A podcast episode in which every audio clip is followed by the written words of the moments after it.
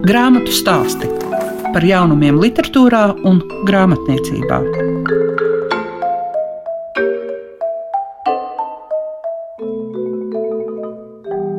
Esiet sveicināti grāmatu stāstu klausītāji šīs dienas raidījumā par divām grāmatām. Ramona Indriksone, es vedīšu tevi mājās, par kuru varam teikt, ka tas ir gan dzimtes stāsts, gan mazliet detektīvs.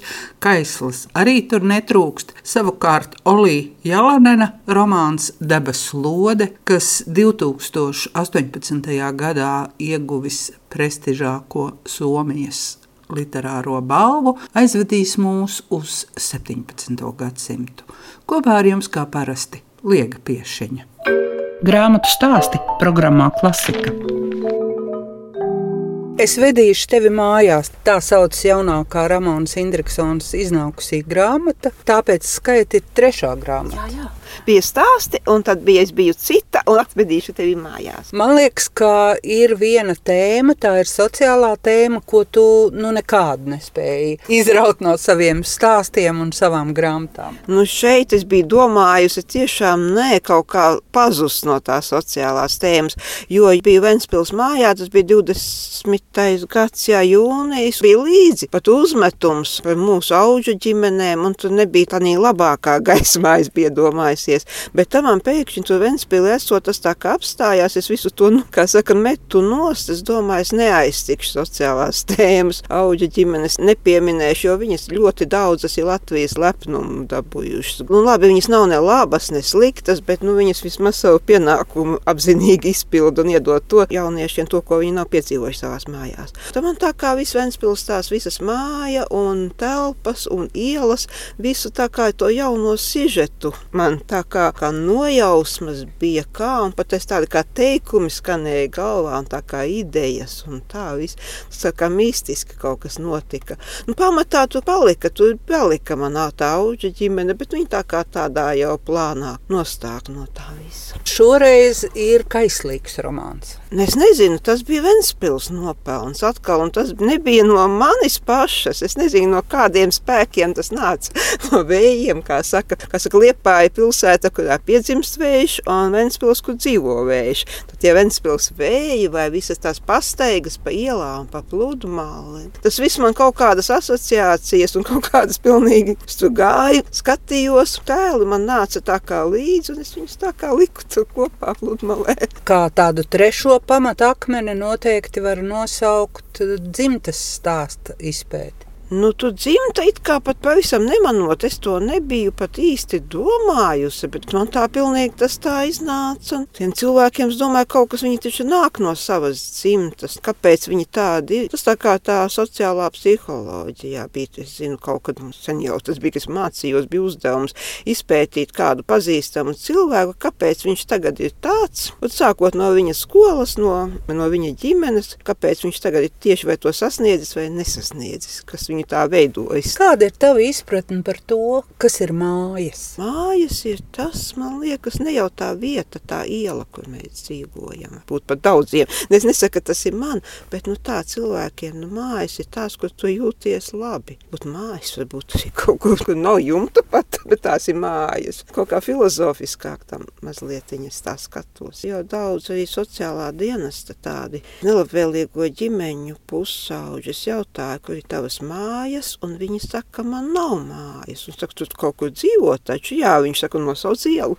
Dzīvoklis tur dzīvoja. Nu, jā, bet viņš tā nespēja atbildēt uz to jautājumu. Mājas. Tās ir tāds, kur kaut kāds ir siltums, mīlums. Es domāju, ka tepat skatoties uz katru no varoņiem, var jautāt par to, kāpēc? Vai ir tā, ka arī tu pats sev uzdod jautājumu, kāpēc varoņi rīkojas tā, kā viņi rīkojas? Vai tu jau skaidri sākumā zini, ka tā gaita būs tāda, kāda tā ir romānā? Par gaitu man tur bija, nu sāku man jāsaka, ka sižetu es tā kā nevēlētos to, jā. tas nebūtu labi aiztonis stāstīt. Nē, nu tos ir minēts, ja, ka tu ir tas viens nelaimes gadījums, vai slepkavība, vai tik nejaušība, un to es zināju, kā tas beigsies, un kāpēc veids tas ir kas ir pie tā vainīgs. Zināja, ka arī tas zemgus sāks izmeklēt, kas pieks šo lietu, jā, to es zināju, jā, bet tās viņa mīlestības, tā aptuveni man bija, bet tieši kā es to izvedīšu, es vēl nezināju. Kā miglaini, es domāju, kā tas notiks viss. Strādājot arī sociālajā dienestā, vai ir tāda sajūta, ka pasaule ir diezgan melna, pabriesmīga, un vai nav tā, ka to romānu rakstīšana ir it kā tā pasaules attaisnošana, ja ir kaut kā savādāk? Nē, tieši tā, jā, nu tagad es esmu atkal tā linājusies jau, jau, jau kādu pusgadu ilgāk, jā, jo pēdējais bija mans lauks, tieši bija vecie cilvēki, un tas bija vēl smagāk nekā ģimenes, tas bija vientulība un slimības un nāve un tuvinieku atstumšana, nu, tas bija ļoti smagi, jā. Un jā, nu šitais ir tāds lauks, jā, kad liekas, ka pasaule, kad tu izēji laukā, pasaule debesis zilākas un viss ir gaišāks, un ka tev ir ļoti laba tā dzīve un tā visa zudīšanās pa savām sīkumu tikai. Bet kāpēc mēs esam tādi, kādi mēs esam? Tiešām es esmu bieži to uzdevusi, to jautājumu, kāpēc tā ir, ka tu aizies pie veca cilvēka, tu uz mājām, viņš saka, ka dēls nav tur gadus, divus, Pat kaut kur tūmā viņi tur dzīvo, apmeklējas. Tad nabaga tādi cilvēki, pusakli un, un pie gultas pat. Tā tu jādomā, jāuzmana, vai kāda kaut neizmanto, tu, tu viņi tos neienāk un kaut ko tur nevēlas piesavināties, tu īpašumu vai naudu vai ko. Nu, tur ir bijuši arī tādi gadījumi. Es domāju, kas tad ir ģimenē. Nē, nu, man tas ir vienkārši maz jau laika atvēlēts tādam apmeklējumam. Ir citas sociālas lietas, tu jājautā, vai sīkāk uzklāt uzklausītu to viņu dzīves stāstu. Nu, ir jau kaut kas stāstīts, bet, nu, lai ietu dziļumā, tad man vajadzētu divas stundas laikam pavadīt, un tas nav iespējams. Nu, aptuveni es to tikai nojausmu. Nu, bijuši arī daži stāsti, kas ir uzticēti. Es nezinu, kas pie tā vainojams. Es teiktu, paši cilvēki, nu nē. Nu, varbūt tas, ka nespēja piedot cit citam. Un tāds aizvainojums nesen lasīja, kas man ļoti lidīs lasmans atmiņas ziediņi, viņa gābeli sastādījis. Un tas man liekas kaut kas augstāks spēks jau, ka cilvēks kā Lidija lasmans, vispār viņas dzīve kaut kas tāds, nu īpaši, nu tu galvā jānoliec, ka viņa tā iet spēja un spēja piedot visam tam, kas viņu noticis Dieva spēkā dzīvo un piedod tālāk. Kas tev pašai ir grāmatas rakstīšana? Tu tā kā noraksti tos notikumus, kas ir piedzīvoti, vai tu mēģini viņiem izspēlēt labāku sižetu? Nu, kā teikt par šo Ventspils stāstu, tā bija. Tas bija tāda kā tā iedvesma nāca. Pēc tam tas dzimtas stāsts, ko es jau biju sen jau izdomājis, kas man savu dzimtu saistās tie notikumi 1919. gada Liepājā, tieši, ka Latvijas valsts tapa. Tu mans vectēvs ir politikā piedalījies, un tikai, nu, ir tas, kā jau allaži, ka tuviniekiem nekas nav jautāts, un tagad nav kam pajautāt, un tas jākal manas tāds fantāzija iedvesma, viss tas tur tāds tikai galvā, un es to vēlējos noteikti attainot to viņa dzīvi, kas tāda man likās pati ļoti, ļoti, ļoti savāda. Viņa tiek lejojumi no politikas uz lauksaimniecību un tā teoloģiju. Un vēl ir tādi izteikumi, ko no vecās mātes es, es biju saklausījis par to viņa mūža mīlestību lielo, ko viņš nebija kopā. Viņš bija to manu tēvu mammu tā dzīve, laikam, es nezinu, kā bija, tā bija, bet nu, visu mūžu viņš par to ir domājis un pat saticies ar viņu. Nu, tā. nu, tas ir manā tādā fantāzijā, tur tas viss tāds veidojās. Nevelti Jānis Jānis Udrabiņš ir kādreiz rakstījis tādus dzīves rakstītos stāstus. Nu jā. Tad, kad mēs izlasām, saka, tā dzīvē nevarētu būt, bet īstenībā nu tas jā, ir tieši tā. no dzīves arī norakstīts. Tas ir viss tas, tā, laikam, man arī kā bijis pateikts, ka tas ir par mani, un kaut man tas galīgi nav par mani. tad man tas ir tāds augstākā pilotāža, man liekas. Viņa teica, nu tā nav iespējams svešā cilvēkā tā ieiet psiholoģiski, jā. Nu jā, vēl bija tas, kas bija domājis, jau likt laikam malā. Es domāju, nu, laikam jau tā kaut kā. Es nezinu, laikam visu esmu pateikusi to dzimtas stāstu, un, vis, un tā es negaidītu no akalā dabūju stipendiju. Un tā es domāju, nu, nē, man taču tā ideja, tad tagad tur ir noteikti, kā saka, pienākumi, līgums, ka man ir jāsniedz arī atskaites, un tā ideja jāīsteno tālāk, to, ko to ideju es viņiem aizsūtīju. Tas nozīmē, ka mēs varam jau runāt par jaunu darbu? Tikai domās. Un tas ir, kā teikt, arī no dzīves. Tāds, būt es nestāstīšu. Man bailes, ka tas neizdosies man. Bet, nu, Labi. nu, tas ir dzīves īsts stāsts. Kas ir tas, ko tu lasi ikdienā? Un Es eh, nereti varu redzēt, un arī ir eh, Facebook atsauksmes uz tām, kuras ir šīs jaunās rakstītājas. Ne gados jaunās, bet, Jā, eh, nu bet jā. jaunās rakstītājas. Es tā daudz atsauksmes nelieku laikam. Nezinu, kāpēc. Pat. Ko lasu, man galvenais, lai tas saskaņojās tā uz viena viļņa, kā mēs esam. Jo izlasīt, un es jūtu, ka tu nebūsi man, es taisu vākus ciet, un tu nelikšu nekādas ne atsauksmes, ne divas zvaigznes, un nekavēšu velti laiku. Tad man jāpadomā mazliet atpakaļ, kas man tāds, kas ir dvēselē. Ā, klusie gadi, nu, čehu valodas tulkojums. Tas ir gada sākumā lasīt, tas ir kaut kas līdzīgs manam dzimtas stāstam. Un kaut kur tas ļoti, ļoti tā iespiedās tā valoda, un varbūt tas, ka čehu mentalitāte ir līdzīga mums latviešiem. Nu jā, tur ir no viena tāda sīkuma, no viena fotoattēla, atklājas tie dzimtas notikumi tagad un bija 60. gadu, 68. laikam gads pagātnē, jā, kopā vijās tur tā. Nu, arī kaut ko vieglāku man patīk palasīt, kādus tulkojumus. Klusējošā paciente, lūdzu, un nākamais. Nu, tā. Nu, tā vieglāk liekas, viss nekā latviešu. Es nezinu, to es pat nezinu, kāpēc. Nu, tāds kā vieglums ir iekšā visā tādā dzīves tanī ziņā. Es uz to ļoti vēlētos iet. Nu, tā, tas tāds sapnis man īstenot kaut kā pasniegt ļoti viegli. Lai dziļas lietas būtu vieglāk. Grāmatu stāsti tiem, kam grāmatu lasīšana ir vērtība. Maima Grīnberga ir man līdzās, un viņai ir jāatklāj daļa no debesu lodes noslēpumiem. Autoru mēs dzirdēsim pēc neliela mirkļa, bet tev tā ir otrā saskare grāmatas formātā ar Oliju Jalonenu. Nu, jā, kā tulkotājai. Jā. Es esmu lasījusi gandrīz visas viņa grāmatas. Desmit noteikti. Man viņš ir ārkārtīgi mīļš, somu rakstnieks. Man ļoti patīk, kā viņš raksta, un es ceru, ka šī otrā nebūs man pēdējā saskara kā tulkotājai. Nu, debesu lode mūs aizved uz 17. gadsimtu, bet runā par lietām, kas ir svarīgas šodien. Tas, ko mēs varam salīdzināt ar mūsdienām, ir tātad to laiku visa mājiņticība un zinātne. Mūsdienās droši vien tad varētu pārvērst uz kaut kādiem izdomātajiem faktiem un faktiem, kas atbilst patiesībai. Man grāmatas sākumā likās, ka visvairāk lietotais darbības vārds ir par lasīšanu. Jā, jo tas ir ārkārtīgi svarīgi. Lasīšana palīdz tikt ārā no tā, ko tu iegūsti tikai komunicējot ar cilvēkiem, kas tev ir apkārt. Jo lasīšana aizved citās sfērās, kā tas arī mazo puiku aizved. Man liekas, ka no lasīšanas līdz domāšanai. Jā, daudzajā ziņā tā grāmata ir par to. Manuprāt, arī tas veids, kā rakstnieks raksta, tur tas process, tieši tā viņa attīstība līdz kaut kādam tam punktam ārkārtīgi labi parādās arī valodas lietojumā un visur. Man bija tāda sajūta, un es to vienīgi tad, kad uz 4. vāka izlasīju, ka valoda ir kā atsevišķs varonis, tad es to tā pieņēmu. Bet man likās, ka tajos tekstos, ko tu latvisko, tu esi nolikvidējis vienu darbības vārdu, bet tādējādi radot to sajūtu un to valodu kā tēlu.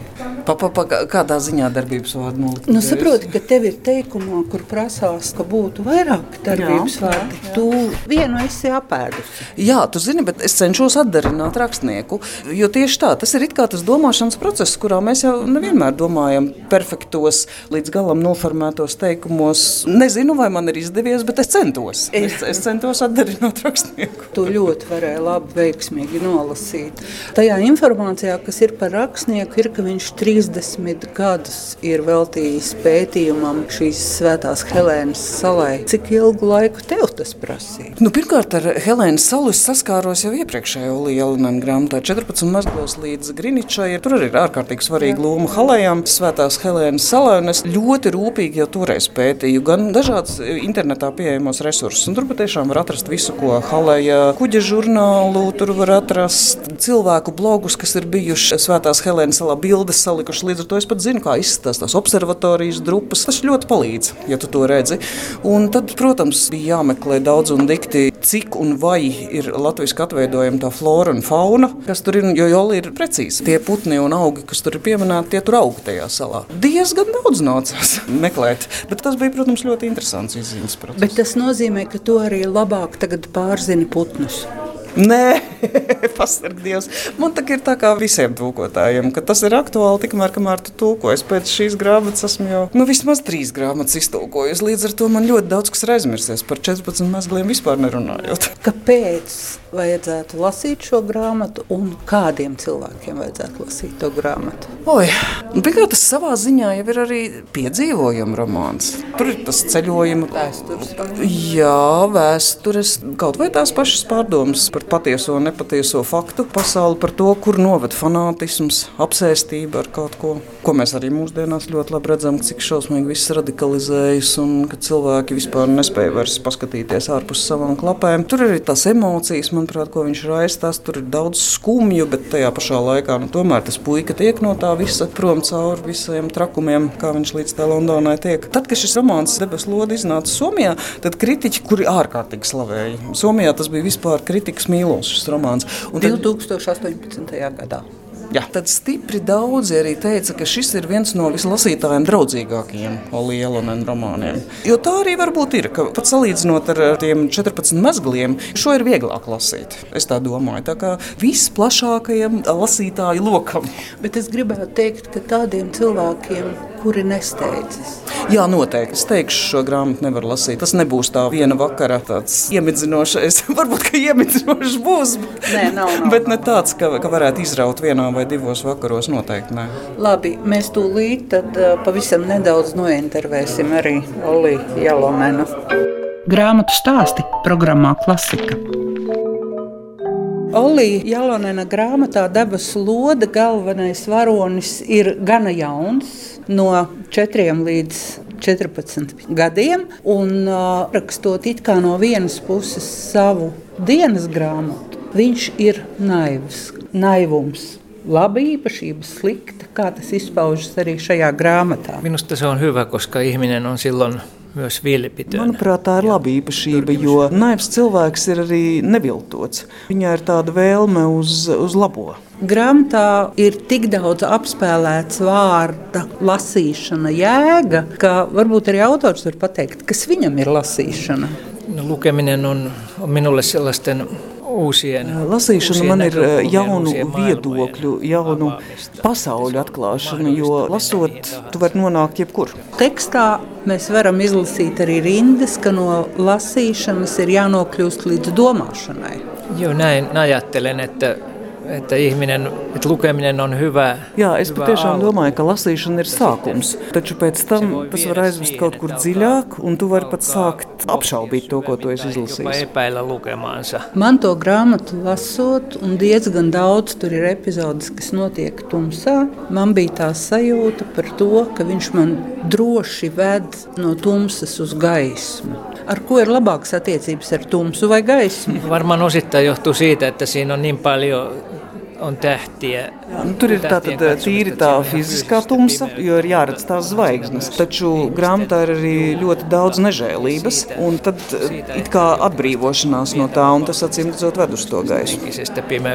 Ja mēs runājam tieši arī par zvaigznēm, tad uh, cilvēkiem bieži vien ir tā vēlme tiekties uz turieni. Bet šī gadījumā autors raksturojot 17. gadsimtu, viņš īstenībā noraksturo 21. vai tas tā ir? Luulen, että näin on aina, kun Es domāju, ka tā ir vienmēr, lai par kādu tematu vai laiku rakstītu, vienmēr tu raksti par mūsdienām, no tā laika, kurā tu dzīvo, jo tu netiec no tā vaļā. Pääse irti, että se on 30 gadus pētot Svētās Helēnas salu, šajā grāmatā ir ļoti daudz par attiecībām ar Dievu. Vai tās ir mainījušās? Tietysti se ai, aika oli Par to laiku vispār gandrīz nav iespējams rakstīt, nepieminot arī baznīcas autoritāti, kas tolaik bija milzīga. Un, protams, ir notikušas liels izmaiņas, ir nākušas vietā daudzas ticības, taču ticībai joprojām ir ārkārtīgi liela loma. Šajā grāmatā, it sevišķi tajā pirmajā pusē, ir tāda sajūta, ka ļaunums vienmēr uzvar. Joo, aj, ajat olivat Tie bija smagi laiki, un atcerēsimies, ka bija arī verdzības iekārta vēl to laiku. Līdz ar to tur nemitīgi kaut kas slikts bija katru dienu apkārt. Kurš bija tas pirmais dzenulis, lai vispār šī grāmata taptu? Ensimmäinen hetki oli varmaan kuninkaallisella Droši vien, ka sākuma brīdis bija tajā karaliskajā pastakuģī, kad es redzēju tās Atlantijas dienvidu galā milzīgo tukšumu. Droši vien tas. Vai rakstniekam ir kāds suvenīrs no salas? Joo, otin sieltä brittiläisten sotilaiden. Es paņēmu britu karavīru džina pudeli, droši vien no kāda 19. gadsimta, un tad vienu izkaltētu augu. Yhden kuivuneen kasvin. Izskan grāmatu stāsti. Šīs dienas raidījumā dzirdējāt Ramonu Indriksoni. Viņa iepazīstināja ar savu jaunāko romānu Es vedīšu tevi mājās, kā arī iepazinām somu literatūru. Olija Jalonena debesu lode un varējāt dzirdēt gan tulkotāju Maimu Grīnbergu, gan arī pašu somu rakstnieku Oliju Jalonenu. Līdz citai reizei visu labu jums saka Lieka Piešiņa.